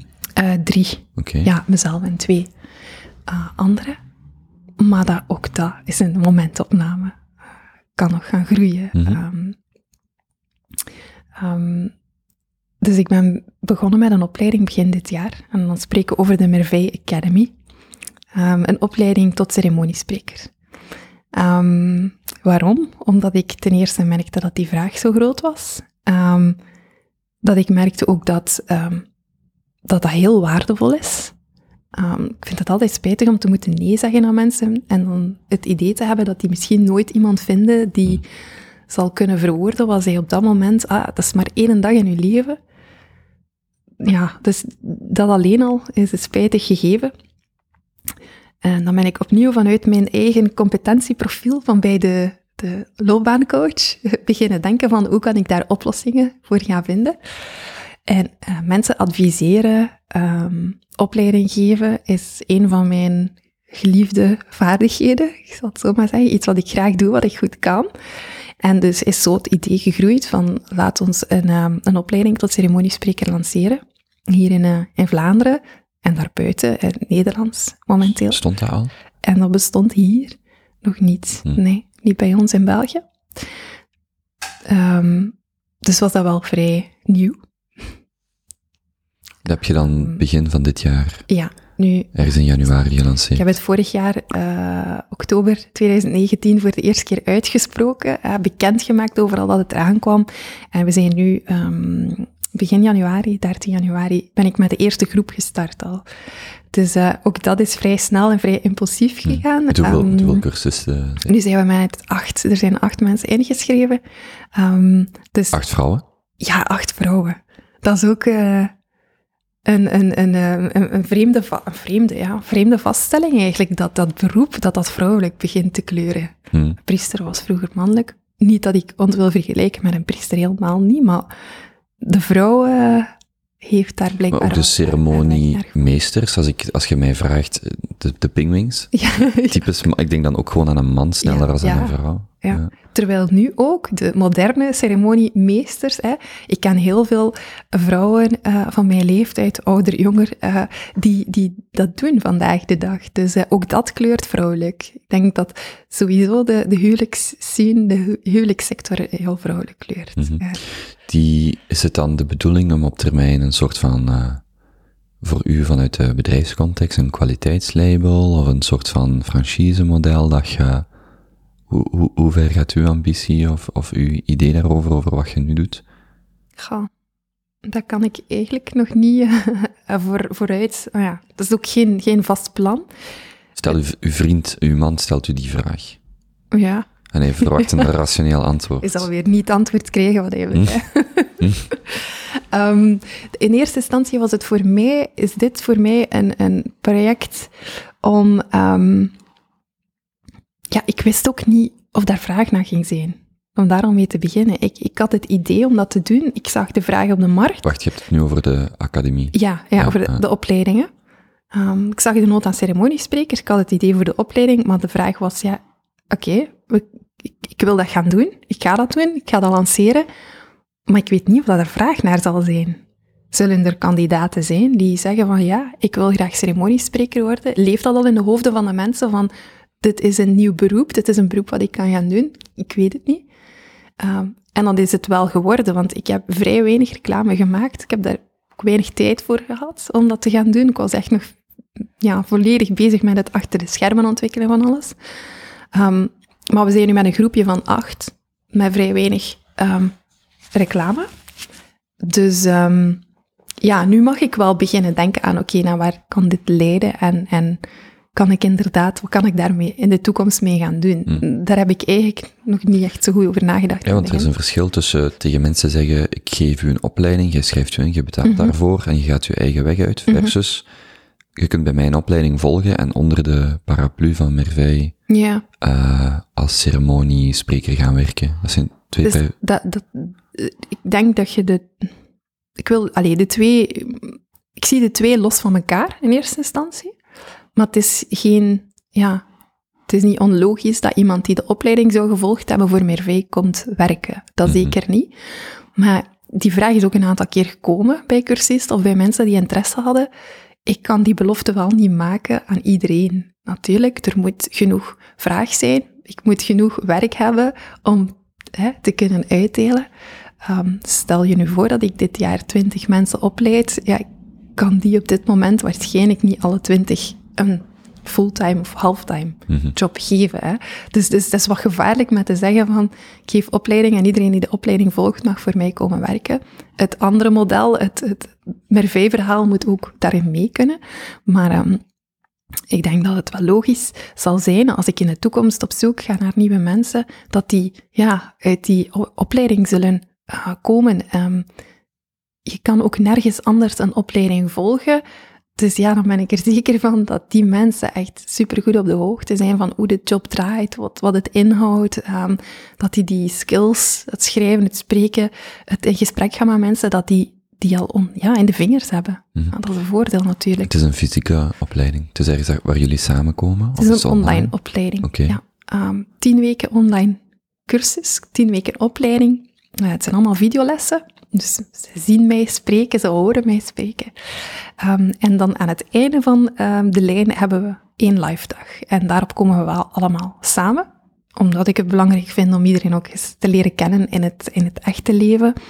Um, en ook omdat ik het wel belangrijk vind dat zij nog even op die dag die, uh, die theorie leren omzetten in praktijk. Want is allemaal heel fijn om te horen hoe je met mensen in gesprek gaat, of hoe je teksten schrijft, of hoe je voor publiek staat.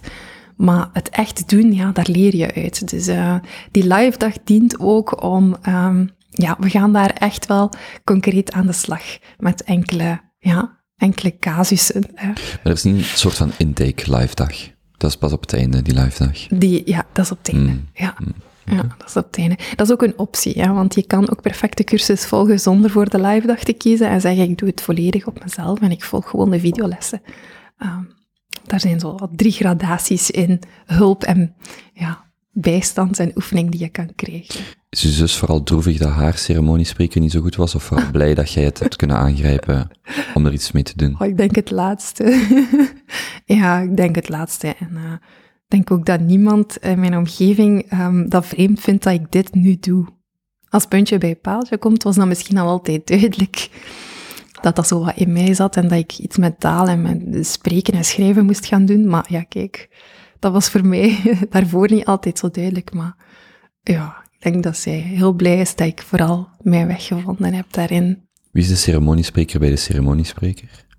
Ja, dat is de hamvraag. Hè? Toen ik zelf trouwde, kreeg ik die vraag zeker drie keer op een dag. Hmm. ik, heb, um, ik heb daarvoor iemand aangesproken die ik kende, die dat niet professioneel deed, die dat misschien zelfs ook nog nooit gedaan had. Um, dat was een docent van mij in de opleiding Wellbeing. En uh, een man. En ik moest altijd zo vol verwondering, zat ik naar hem te luisteren. En ik vond dat die mens echt de capaciteit had om voor een groep mensen te spreken. En die mensen allemaal mee te hebben in de verhalen die hij vertelde. Hij gaf ook nooit niet echt les. Hm. Ik kreeg precies nooit niet echt geen theorie van hem, alleen maar verhalen. En door het feit dat hij zo verhalend vertelde, onthoud, ja, ja, op het einde wist je wel wat het belangrijkste, wat de essentie van die les was. En dus heb ik hem dat dan gevraagd. Ehm, ja, op een bepaald moment, ik ga trouwen, zie je dat zitten, om ons verhaal te komen vertellen. Um, ik ga zelf zo wat de structuur en de vormgeving doen, hè, want dan laat ik het aan jou over. En die heeft dat gedaan. Dus uh, ik heb dat zelf wel samengestoken, samen met mijn man ook. We zijn samen zo het creatieve leuk gaan bekijken. En um, dan heeft die, uh, die, die persoon, die, die docent van mij, vroeg, hmm. is dan de ceremonie aan elkaar komen spreken. Het lijkt wel alsof je die, dat impulsief kantje kwijt kunt hierin. Als in, ik wil iets nieuws proberen, ik kan dat gewoon gaan doen. En ik kan, bij wijze van spreken, elk huwelijk wel nieuwe dingen proberen, als ik dat wil. Mm je kunt dat wel volledig kwijt daarin. Ja. ja, en je hebt dat ook nodig, denk ik. Want als je te sterk houdt aan structuur en aan het vaste, dan kan je nooit op maat van mensen gaan werken. Je moet dat ergens kunnen loslaten en kunnen zeggen van, ik ga er met mensen in gesprek, wie weet komt daar iets super geks uit, maar we, we gaan dat gewoon doen. Um, dat is een, inge Excuseer, een ingesteldheid, denk ik. Ja. Mhm. ja. Heb je al ooit een huwelijk in Mal uh, Malaga begeleid? Nee, helaas. Bucketlist. ja? Dus uh, Italië onder andere dit jaar, maar uh, geen Malaga. Dus, um... Waarom zou iedereen in Malaga moeten trouwen of die stad bezoeken? Um, dat is een beetje het um, Spaanse Leuven. mm. Daarmee vergelijk ik het. Um, Leuven is dan een hele gezellige stad. Uh, we hebben daar ook gestudeerd en uh, je kon daar alles te voet doen. En als je daar buiten kwam, was er altijd wel ambiance en gezelligheid en, en uh, mooie dingen om te zien. En je hebt dat zo, ja, ook in Malaga. Um, ik heb dat samen met mijn man ontmoet, een aantal jaar, ontmoet, ontdekt, beter, een aantal jaar geleden. Um, gewoon in een idee van, het is winter, we willen de zon even zien. Hè, waar gaan we naartoe? Ah, Malaga, daar is het goed weer, het zuiden van Spanje. We gaan daar even naartoe. En we zijn daar echt verliefd op geworden. Je hebt dat zo, mensen kunnen verliefd worden op bepaalde plaatsen. Uh, en we hebben dat met Malaga. Dat is zo'n gezellige sfeer, zo'n toffe stad. Niet groot. Um, ligt aan de, aan de zee, aan het strand, een heel mooie promenade. En je hebt dan toch ook nog zo het stadsleven, de ambiance, de tapas. Uh, Denk ook het, ritme van leven. Hè. Wij zijn allebei bij meer uh, nachtmensen of avondmensen dan ochtendmensen. Dat, daar uh, komt dat volledig tot zijn recht. Ja, dus um, waarom zouden mensen moeten trouwen in Malaga? Voor de sfeer, voor het authentieke.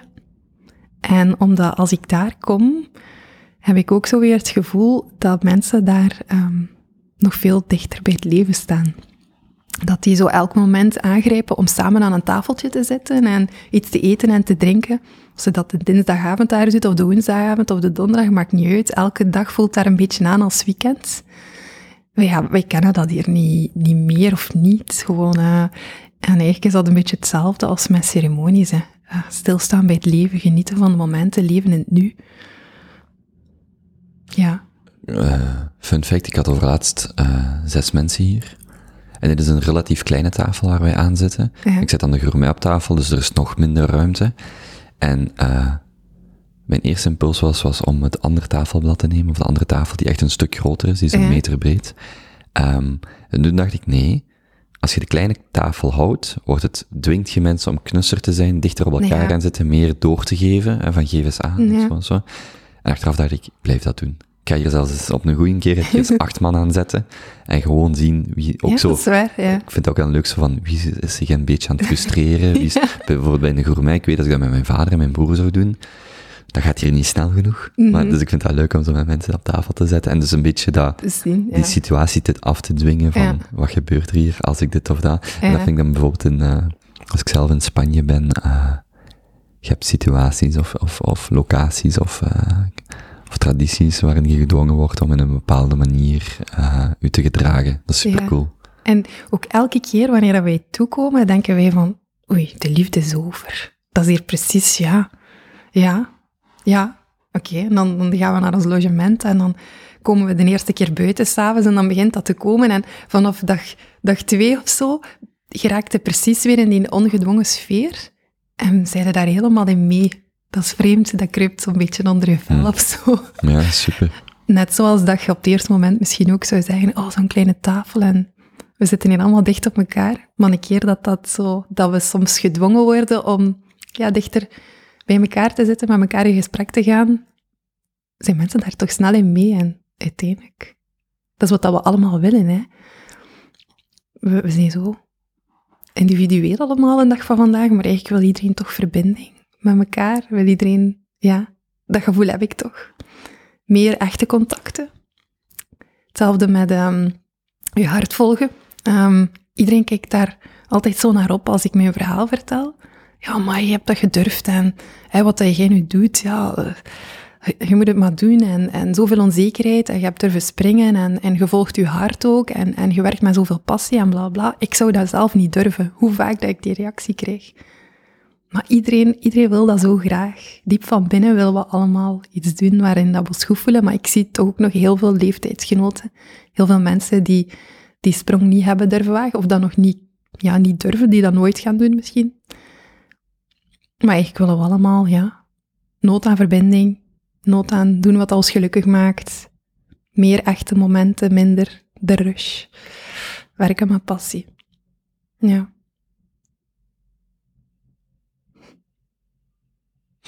Jullie hebben geen kinderen? Nee. Nee, oké. Ja, ik vroeg me, hoe leg je, hoe leg je aan een 33-jarige uit? Wacht, even kijken, ja, een 33-jarige. Van, eh, hoe legt jij aan een 33-jarige uit? Waar dat die meer eh, verbinding vindt? Dat is moeilijk, hè. Hoe leg je dat uit? Daar is denk ik geen handleiding voor. Stap 1, koop een kastje met een scherp ja. handvatje. Ik denk dat we, dat, dat ook een beetje... ehm, we, hebben, we hebben allemaal dezelfde opdracht eigenlijk in het leven. Hè. Ehm, uiteindelijk, je wordt op de, op, de, op de wereld gezet. En ik geloof daar echt in, met een bepaald pakket aan talenten. Met een bepaald rugzakje misschien ook. En het is gewoon onze opdracht om tijdens ons leven te vinden wat maakt mij gelukkig. En vooral, wat kan ik met mijn rugzak, met mijn pakket aan talenten, wat kan ik bijdragen aan dit leven en aan de wereld? Dat is zo mijn ideale ja, beeld zo, maar... En, en iedereen doet dat op zijn eigen manier, met vallen en met opstaan. Bij de een gaat dat heel snel en de een vindt heel snel waarvoor hij of zij dient en hier op de wereld is. En de ander vindt dat misschien nooit. Andere mensen vinden dat na een vijftigste pas. Ja, bij mij is dat nu hè, vijf jaar geleden gekomen. Door dat kastje ook, hè, nog langer geleden. Misschien is alles daarmee begonnen. maar ehm, ja, dat is de weg van het leven. En ik denk, als je je daar bewust voor bent, als je daarvoor open staat, dat dat wel komt. Wat zeggen uw ouders ervan? Die zijn trots, ja. Die zijn super fan ook. die, die, die hebben altijd ook opengestaan voor elke stap die ik nam, hoor. Ehm, dat was de eerste plaats waar ik altijd terecht kon rond de keukentafel om, om, om te zeggen hoe dat ik mij voelde, hoe ongelukkig dat ik mij voelde, eh, welke dromen die, dat ik had, hoe zot dat die ook, hoe gek dat die ook waren voor hen. Maar die hebben mij altijd gesteund, zo. Ehm, en ben opgegroeid wel in een, een gezin waar er altijd gebabbeld werd aan tafel en waar alles kon gezegd worden op een respectvolle manier natuurlijk, maar waar dat er wel een vrij open sfeer allee, hing, hangt nog altijd. Dus ehm, ja, Hoe heet dat, zo'n viering van 25 jaar getrouwd zijn? Is dat dan een diam? jubileum, ja, Ja. hoeveel dat, ja. Of 50 of zo? Ja, Misschien kun je dat nog voor hen eh, ja op een kan dag doen. Ja, zou mooi zijn. Zijn ze getrouwd? Ze zijn getrouwd, ja. Ja. Oké. Ja. Hm. Ja, ja, daar zit iets in. ja, mijn papa zit dicht tegen zijn pensioen, pensioenviering. Ehm, komt ook voor. Hè? Dus eh, het komt er eigenlijk op neer dat je voor alle belangrijke... Ja, maar er zit toch een bepaalde magie aan bepaalde momenten. En een pensioenviering, Ja, ik geloof wel nog dat er een verschil is tussen de pensioenviering voor de mensen die nu nog op pensioen gaan, maar over een jaar of tien, ja, pensioenviering is dat niet, en hij heeft hier 35 jaar gewerkt. Pensioenviering dan is, nee, ik zie dat dan eerder als ehm, ehm, iemand die een, een soort van ceremonie doet met vrienden en familie. Omdat die op een bepaald moment in zijn leven nieuwe gekomen levensfase. Is. Ja. Ja, ja. Dus, en dat je ja, dat moment eigenlijk wilt delen met vrienden en familie en even wilt terugkijken op, wauw, wat, hoe is mijn verhaal, hoe is mijn leven gelopen tot, tot nu? Welke rol hebben jullie daarin gespeeld? En ja, opnieuw gewoon een, even een, een bepaald kantelpunt in je leven aangrijpen om daar bewust bij stil te staan. Hmm. Komt het eigenlijk op neer. Maar het is wel zo natuurlijk dat een huwelijk het meest evidente moment is op dit moment vandaag om, uh, om een ceremonie te Ja, doen. en uw naam komt ook van een sprookje. En als je mensen vraagt, in een, in een, in een mensenleven, wat zijn de sprookjesachtige momenten? Mhm. Eh, sommigen zullen zeggen het tweede huwelijk, maar dus het eerste huwelijk. eh, ja, denk ik dat daar, dat daar hoog op de lijst staat. Ik zou ook niet direct denken aan een pensioenfeest, maar, Mhm. of viering, maar ik begrijp wat je zegt van, het, het is niet eerder een afscheid van, het is eerder een, een nieuwe levensfase dat Ja. start. Of stil, weer stilstaan bij, Ja, mijn en leven verandert. de naam Merveille staat inderdaad voor sprookje, sprookjesverhaal in het Frans, hè, maar ook voor wonder en verwondering. Hm. En vooral daarom heb ik het genomen, heb ik, voor- heb ik voor die naam gekozen, omdat ik mensen wil ehm, verwonderen met wat zij zo evident en dagelijks vinden. Hè. De, de, de kunst van even stil te staan, achterom te kijken en dankbaar te zijn voor wat dat er is en voor wat dat er geweest is, dat is het mooie. Die verwondering brengen. Mensen zo... Als ik soms dingen vertel, dan kijken mensen mij zo aan van, allee, ja, dat, dat, dat is ons verhaal. En hoe dat jij daar nu naar kijkt, we hadden het zelf nooit zo gezien. Dat is het mooie eraan. Hm. Ehm, ja, verwondering. Mensen verwonderen, zeg ik altijd. Ja.